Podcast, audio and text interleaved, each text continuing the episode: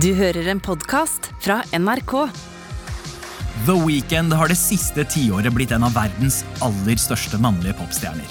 Kanadieren som viste fram en helt ny form for R&B i starten av karrieren, har utvikla musikken sin med et stadig mer diskoinspirert sound, og har tatt over alle dansegrupper. Han får alt fra barnehagebarn til bestemødre til å danse, til tross for at tekstene skildrer en dyster og narkotung tilværelse. For selv om hele verden har hørt musikken til The Weeknd, er det ikke alle som ser sammenhengen i det han prøver å si. The Weeknd er nemlig ikke et artistnavn, men heller et prosjekt, en persona, som utvikler seg som karakter på hver plate. Hans nye album Dawn FM er fortsettelsen av hans feberdrømlignende fortelling. Og med den kommer nok en gang spørsmålet hva er det som egentlig skjuler seg bak The Weekend?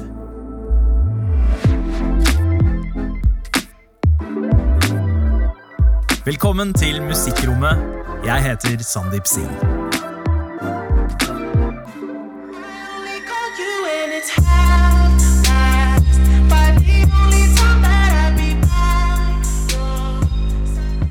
Det mest oppsiktsvekkende for meg med The Weeknd, er at dette er en artist som er på toppen av pop-hierarkiet, som spilles i alle butikker, på alle treningssentre, eh, hvis låter går til nummer én på alle hitlister over hele verden. Og allikevel så sliter jeg med å få tak på hvem mannen bak, altså Abel Tesfaye, som han egentlig heter, egentlig er.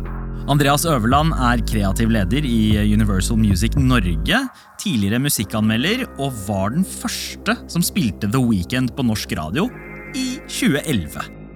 Hva var ditt inntrykk av The Weekend i starten? Jeg blei veldig dratt inn i det mørke og eh, sånn dopfylte fuck pakka universet både tekstlig og, og, musikalsk sett var det masse reverb og masse klang, og det låt helt annerledes enn all annen eh, R&B på den tida. Og det var helt tydelig at du hadde å gjøre med en, en ung fyr som var uutforska, en debutant som satt hjemme, og det virka som han bare ville at verden skulle liksom brenne til grunnen mens han selv satt på nachspiel. Måten det snakka til meg på, da, dro meg veldig inn. Eh, men jeg hadde aldri trodd at den samme artisten kom til å være den største artisten i 2022. Det hadde jeg aldri satt penger på på det tidspunktet. For i januar 2022 eh, kom The Weeknd med et nytt album, Dawn FM. Oppfølgeren til hans største suksess til nå. Og de som har fulgt eh, nøye med, har blitt uh, mer og mer klar over at The Weeknd ikke er en artist, men uh, mer en slags karakter eller et prosjekt, en persona, som er skapt av mannen bak The Weekend-navnet, nemlig Abel Tesfaye.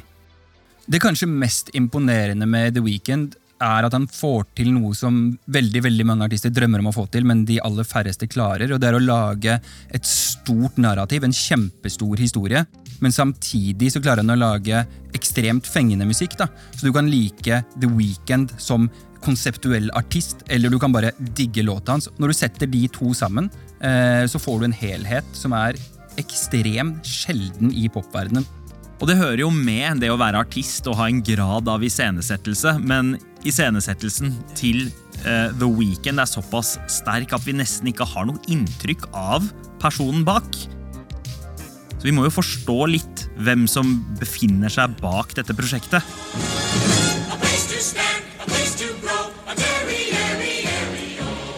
Abel Makonnen Tesfaye vokser opp i Toronto, Canada, som sønn av to flyktninger fra Etiopia. Pappa stikker tidlig, og alenemamma jobber masse, så unge Abel blir oppdratt for det meste av bestemor. Og Da lærer han om etiopisk kultur og språk hjemme, og så er det noe canadisk innflytelse på skolen.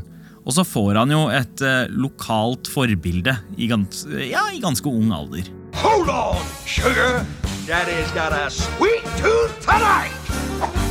Veldig tidlig så blir jo da Abel eh, med sin mor på kino og ser en av årets store komedier, nemlig The Mask, med torontoværingen Jim Carrey i eh, hovedrollen. Somebody stop me! Og På dette tidspunktet så etablerer jo Jim Carrey seg som en av verdens største komikere.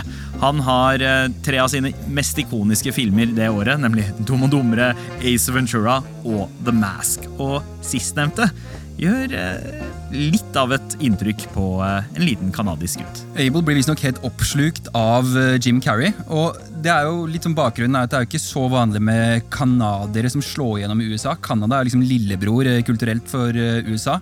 Så da Jim Carrey slo gjennom i Statene, så ble jo han en superstjerne.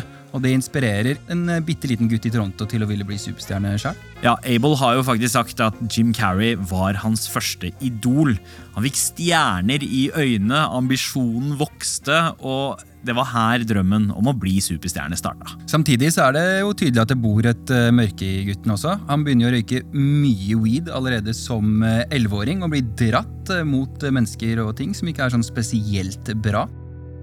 Ja, Det er jo en ekstremt dårlig vane å legge til seg så tidlig i livet.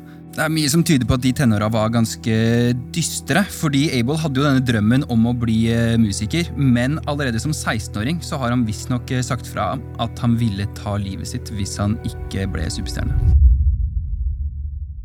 Det understreker jo bare hvor alvorlig han tar musikken sin. Og når eh, Abel er 17, så tar han et valg som skal endre resten av livet hans.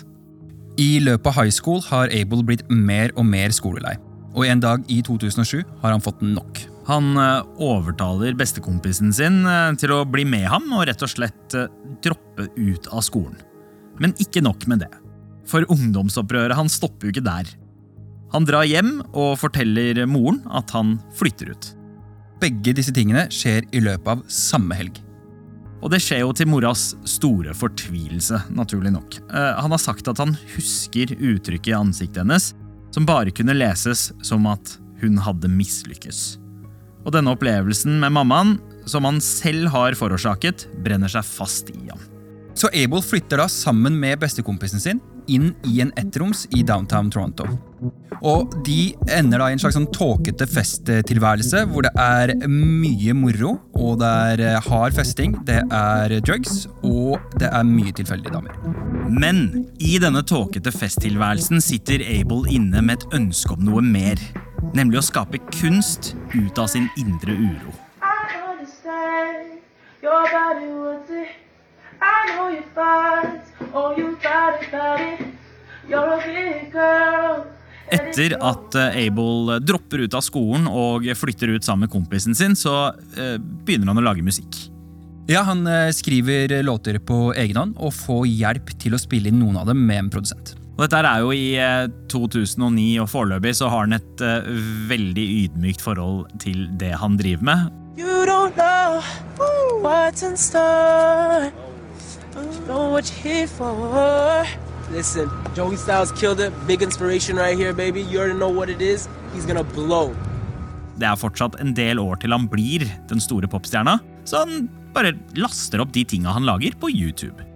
Og på den tida her så har han strengt tatt ikke et sånt ordentlig artistnavn. Han velger kun å bruke en haug med x-er og o-er som navn på utgivelsen. Så han har ikke engang et bilde eller et navn som han kan feste seg med når man hører de låtene her. Og dette var jo en tid da det var ekstremt mange artister som eh, prøvde å skille seg ut ved å gjemme seg bort. I think we went on for about like almost a year with no pictures. Everyone's like, who is this guy? Who's the weekend? How does he look? Men hvordan gikk det med de første låtene til Abel? Så Det tok jo litt tid, men eh, det blir jo en buzz rundt det. Det blir jo oppdaga, det vokser seg liksom gradvis større. Og etter et par år har han nok låter til å fylle en hel mixtape. Men det rare artistnavnet han har valgt, funker ikke for å nå bredt nok ut. Han skjønner at han trenger noe annet.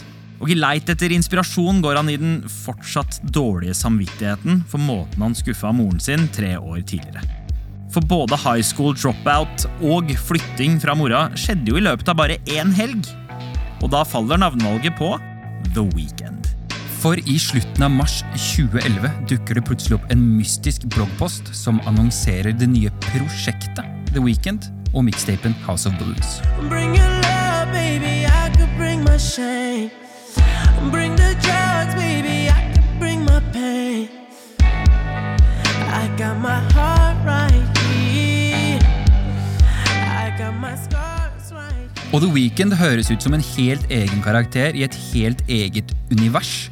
Og det universet det er på en måte et slags nachspiel på en ettroms i indre kaos.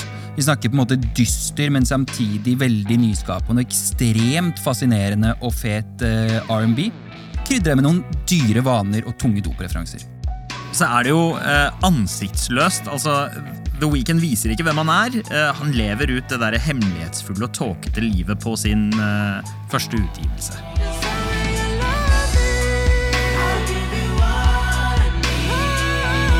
Men til gjengjeld så er jo stemmen hans full av personlighet. Ja, gutten kan synge, ass. For en stemme han har.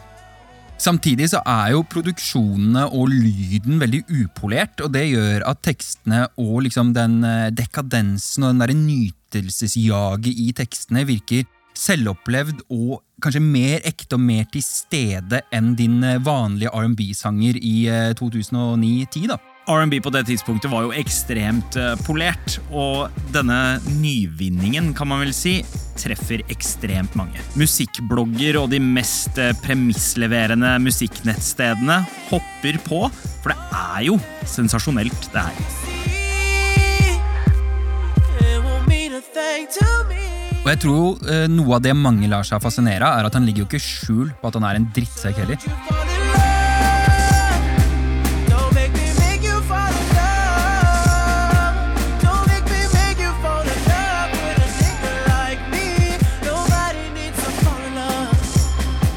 Og flere lar seg provosere av at det er en eh, mann som synger følsomt, men likevel rett ut om hva han ønsker av en kvinne i flere av låtene, nemlig kjærlighetsløs sex.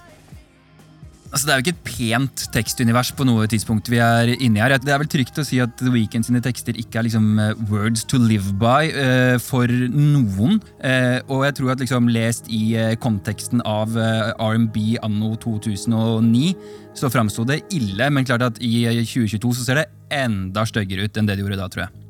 Kvinnene er jo eh, redusert til statister i eh, universet hans. Men de er viktige karakterer, fordi han bruker dem til å understreke tomheten inni The Weekend. Det er alltid liksom The Weekends eh, hull i sjelen som skal fylles da, i, i nesten alle låter. og det, det, det ser du her, men det ser du gjennom hele karrieren hans fram til. Så ser at han har et eller annet sånt void inni seg som må fylles av gjenstander eller dop eller alkohol eller damer eller applaus eller hva det enn skal være. Så rent sånn tekstlig så er liksom The Weekend nesten en sånn karakter som er bare på jakt etter en eller annen form for tilfredsstillelse uten å vite hva, og på veien så ryker det jo med eh, noen objektiviserte kvinner også. House of Balloons eh, blir ikke det eneste The Weeknd slipper det året. Nei, han slipper faktisk en hel trilogi. Denne trilogien slår skikkelig an. Og det er ikke den siste gangen The Weeknd pakker inn musikken sin til en større historie.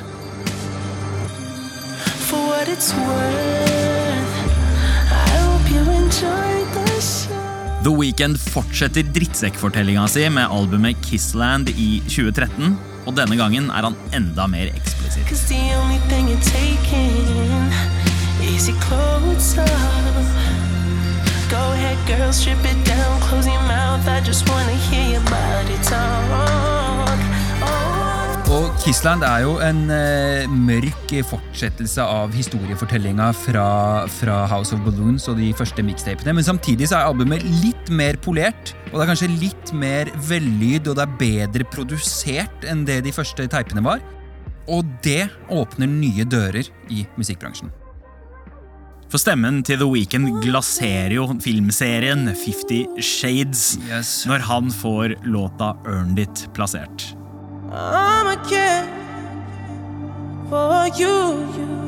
Husmødre over hele verden får se vakre mennesker ligge sammen, mens tonene til den fortryllende stemmen av The Weeknd endelig dundrer utover kinosalene. Og det er her popkarrieren skyter fart. I 2015 kan alle høre at The Weeknd utvikler seg og tar et steg helt inn i popen. Og mye takket være den svenske superprodusenten eh, Max Martin, som jo eh, produserer store deler av The Weeknd sin nye skive. I can feel my face when I'm with you.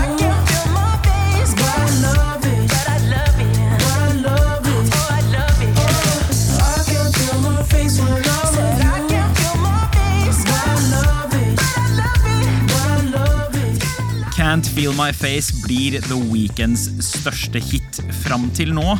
Og de eksplisitte kokainreferansene i vers og refreng de ignoreres jo merkelig nok blant det store publikummet som bare vil danse. Og ved hjelp av Earned It og Can't Feel My Face så etablerer jo The Weeknd seg som en av verdens største stjerner. Og med det så hører det jo til et slags kjendisliv for mannen bak, Abel Tesfaye. Det er der, der man begynner å liksom spore de der første skillet på en eller annen måte mellom The Weeknd og Able, hvor The Weeknd er en enorm artist. Men det er vanskelig å finne så veldig mye informasjon eller intervjuer. Selv virker han jo å være en tilbaketrukket fyr som nesten ønsker å gjemme seg litt bort. Mens karakteren The Weeknd fortsatt lever i konsekvensene av den skjebnesvangre helgen da han knuste mammas hjerte, så er det lysere tider i eh, Abels virkelige liv, som han fortsatt jobber hardt for å holde privat. Men det er ikke så lett når du får en av verdens største modeller som kjæreste. Nei, ikke sant? For han blir jo da sammen med eh, Bella Hadid. Og det igjen gjør jo at Abel ender i eh, Se og Hør, basically. Og er liksom på alle, alle Met-gallaer og alle kjendisfester og blir tatt bilde av. Og blir jo da et sånt household name. ikke sant? The Weekend og, og blir jo da et sånt eh, et brand med liksom en, en rekke låter, uten at det virker som folk egentlig har fått med seg det, liksom, de større temaene han berører i musikken sin, eller kunsten han prøver å lage. Han har blitt kjendis.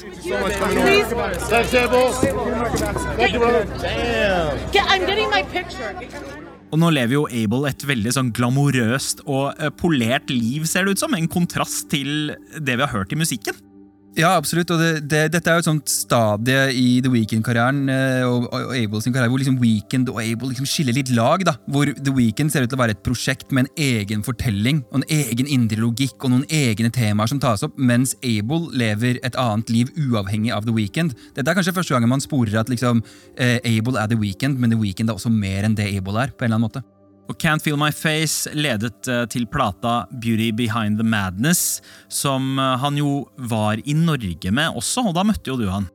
Ja, eh, jeg booka han eh, til senkveld og da til en, eh, til en konsert på Vulkan Arena i Oslo, av, av alle ting. Så da hadde jeg en, en hyggelig halv dag med The Weeknd og crewet hans der. Og det, det som er kanskje mest imponerende for meg, er, er hvor lite jeg sitter igjen med av hvem Able er, også etter det møtet. Ekstremt hyggelig, tilbaketrukket fyr, men, men observerende mer enn kommuniserende menneske, i hvert fall i møte med, med promooppdrag som, som det. Så Abel framstår eh, som en litt anonym fyr, men eh, som artist så er han jo ekstremt produktiv. Og allerede ett og et halvt år etter så slipper han sin neste plate, Starboy. I'm a motherfucking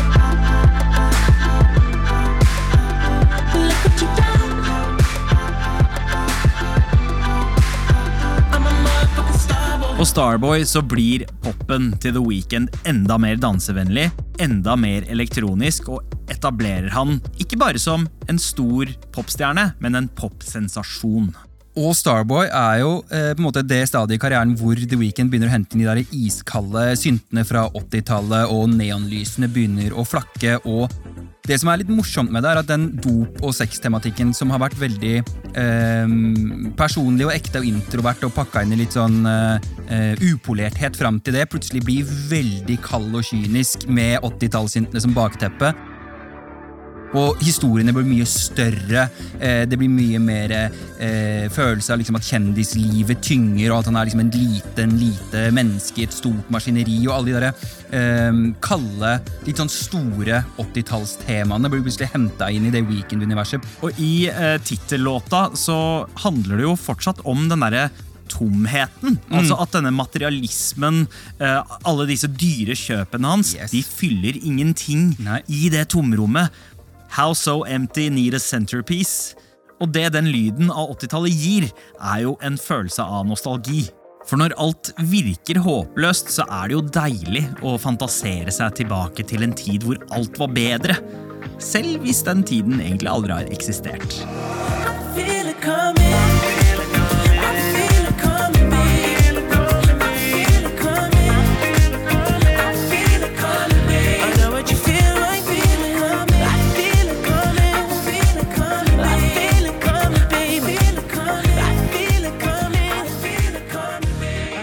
Ja, og det er det som er så morsomt med The Weeknd, og som i hvert fall syns godt på Starboy. Det er hvor flink han er til å stjele og kopiere og referere til låter fra gamle dager. Helt eksplisitt. Som gjør at man føler liksom en eller annen sånn trygghet i møte med musikken. Så selv om tekstene er liksom eh, mørke og dystre og twisted, og man føler på en eller annen sånn sviktende syke, så er det så mye eh, trygghet i musikken som minner om så mye man liker, at man omfavner mørket hans fordi det er pakka inn i noe kjent. da. Og det kommer han til å dra med seg videre. Og denne tilbaketittende måten å lage musikk på hjelper The Weeknd med å pønske ut hans neste steg. Noe virkelig storslagent. Oh, I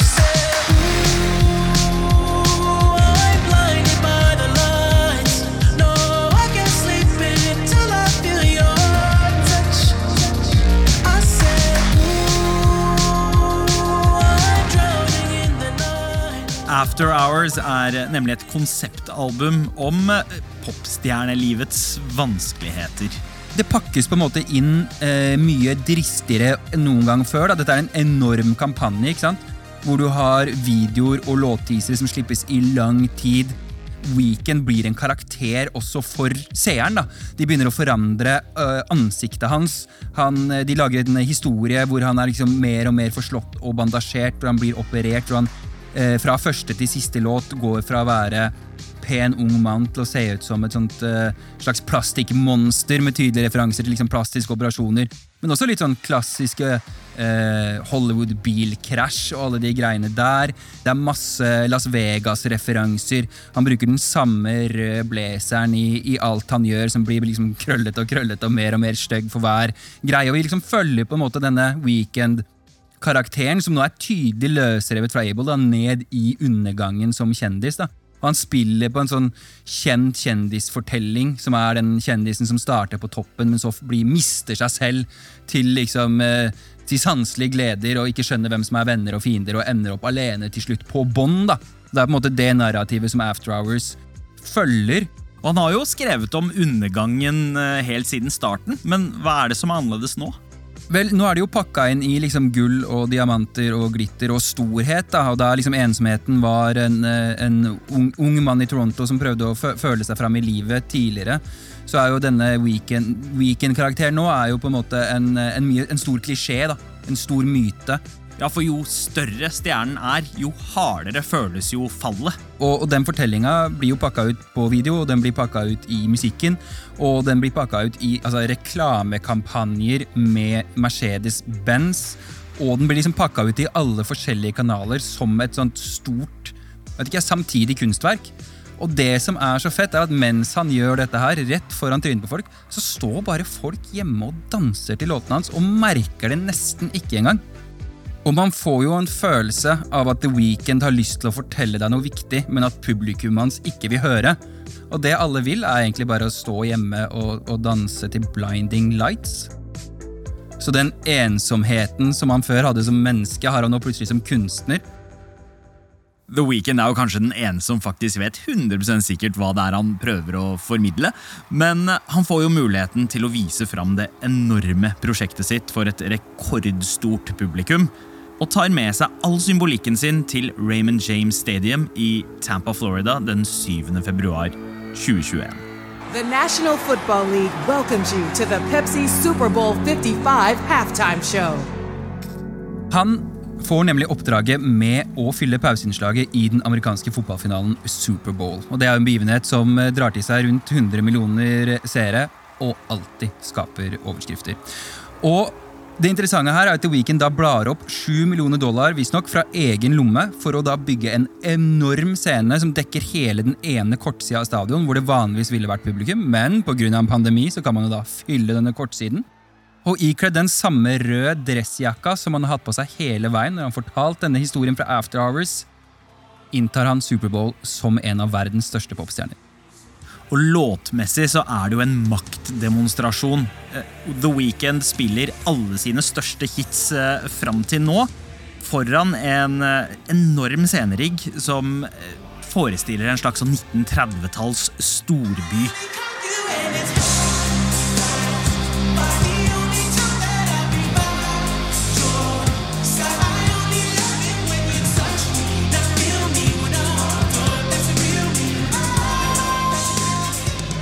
Og på denne reisen her så begynner man også å ane at dette er en reise gjennom liksom hele After Hours-universet, hvor mange av de symbolene som man har blitt kjent med gjennom utrullinga av, av albumet, kommer igjen. Man ser liksom eh, bandasjer på hodet, man ser en gjeng med dansere i samme jakker som han, man ser et eller annet sånn tema hvor flere og flere begynner å se ut som The Weeknd under The Weeknd-opptredenen.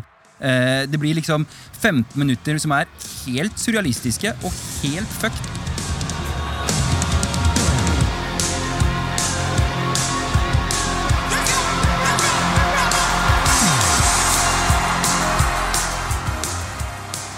Og dette blir jo på mange måter eh, det store klimakset for eh, The Weeknd. Selve toppen av superstjernelivet han har bygga opp. Jeg tror det er vanskeligere å komme høyere enn å stå midt på en amerikansk fotballbane mens himmelen fylles med fyrverkeri bak deg. Jeg tror det liksom er the peak moment.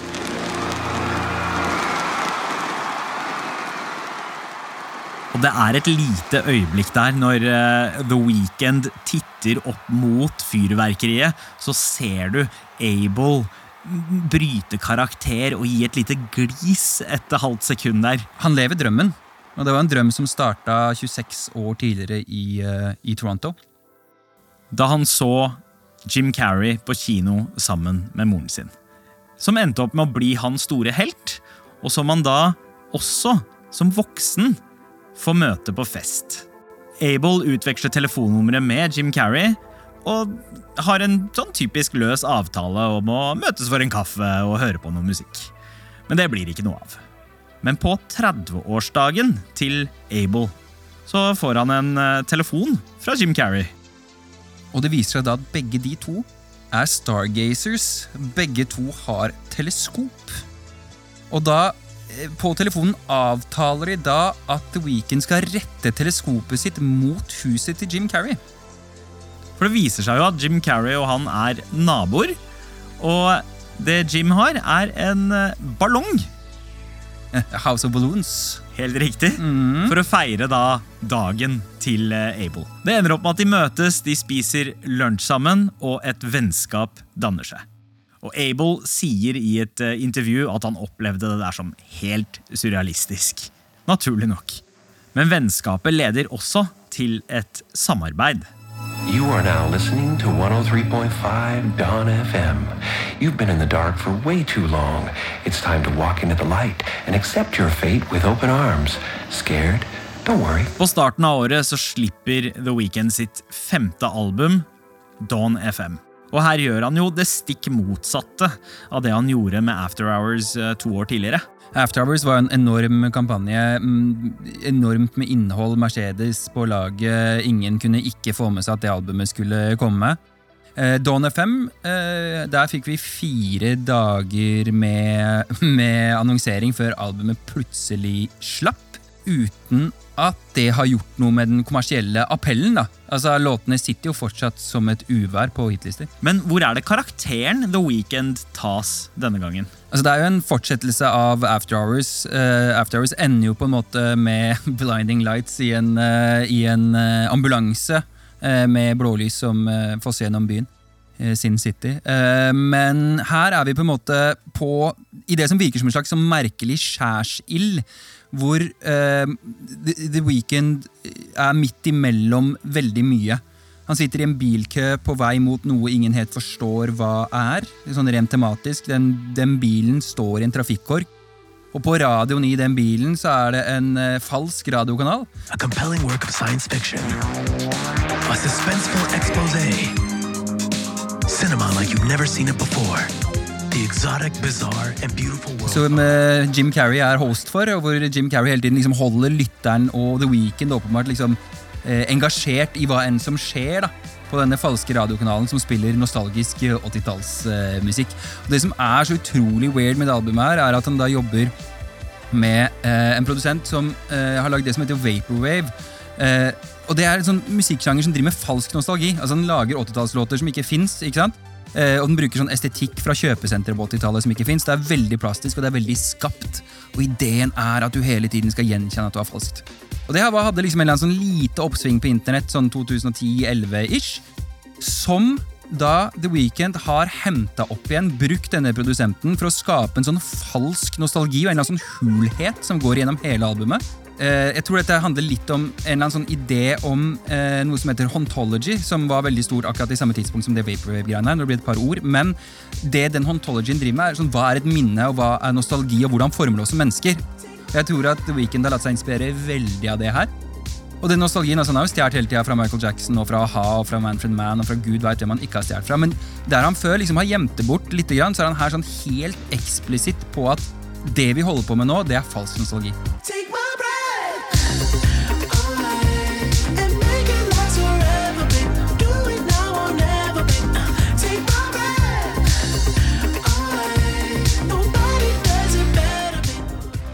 Men for å skape denne følelsen på Dawn FM henter han jo inspirasjon fra ekte minner av faktisk musikk fra fortiden.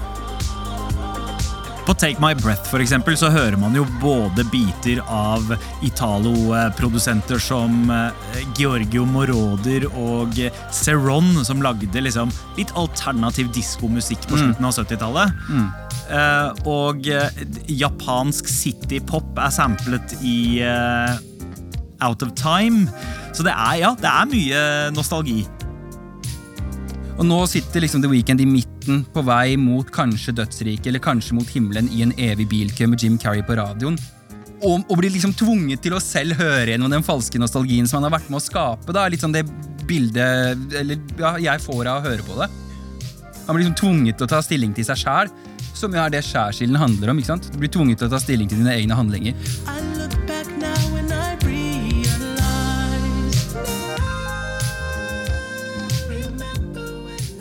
Du ser livet ditt i revy.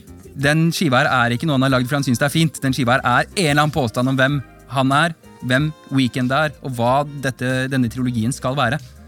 Det er det ingen tvil om. Ja, for The Weekend har jo vært ute og sagt at dette her er en del av en trilogi som starter med After Hours, og Dawn FM er oppfølgeren.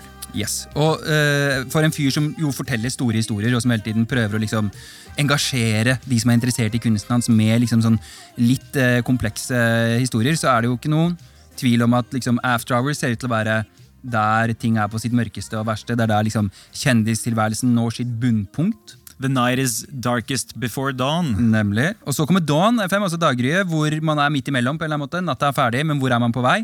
Tematikken handler veldig mye om det å sitte i kø, det å vente på noe, det å bevege seg gradvis mot noe. Eh, og hva er minner, og hva er virkelighet? Og så kommer man da, virker det som, mot slutten av et albumet ut i et eller annet.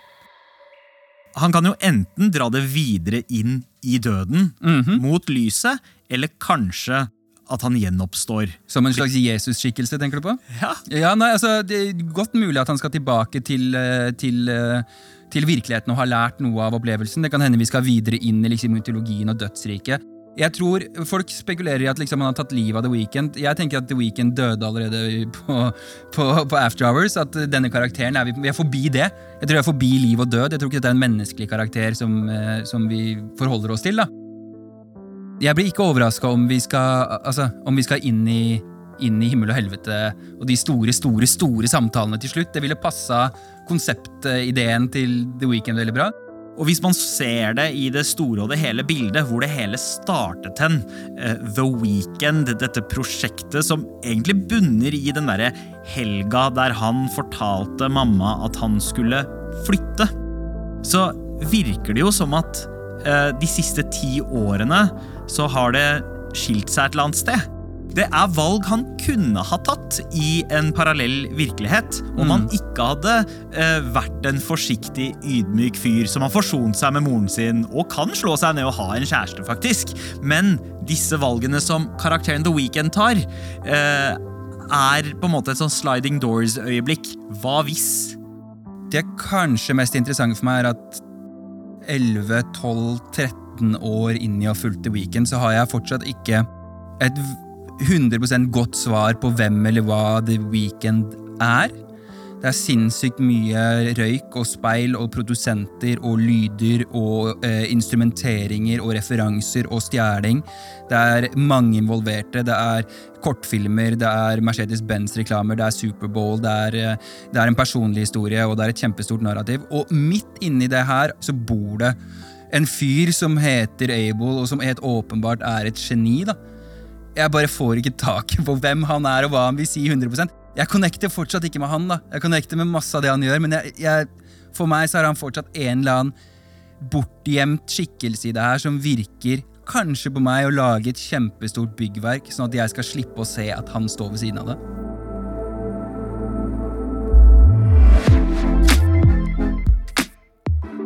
Du har hørt en episode av Musikkrommet. Og for ordens skyld. Andreas Øverland jobber i Universal Music Norge, som er plateselskapet som utgir The Weekends musikk. Men Andreas jobber ikke med salg og promotering av The Weekends musikk. Denne episoden er laget av Amund Grepperud, Markus Hamletsen, Nils Vingerei og meg, Sandeep Singh. Redaksjonssjef er Ingrid Nordstrand. Du har hørt en podkast fra NRK. De nyeste episodene og alle radiokanalene hører du i appen NRK Radio.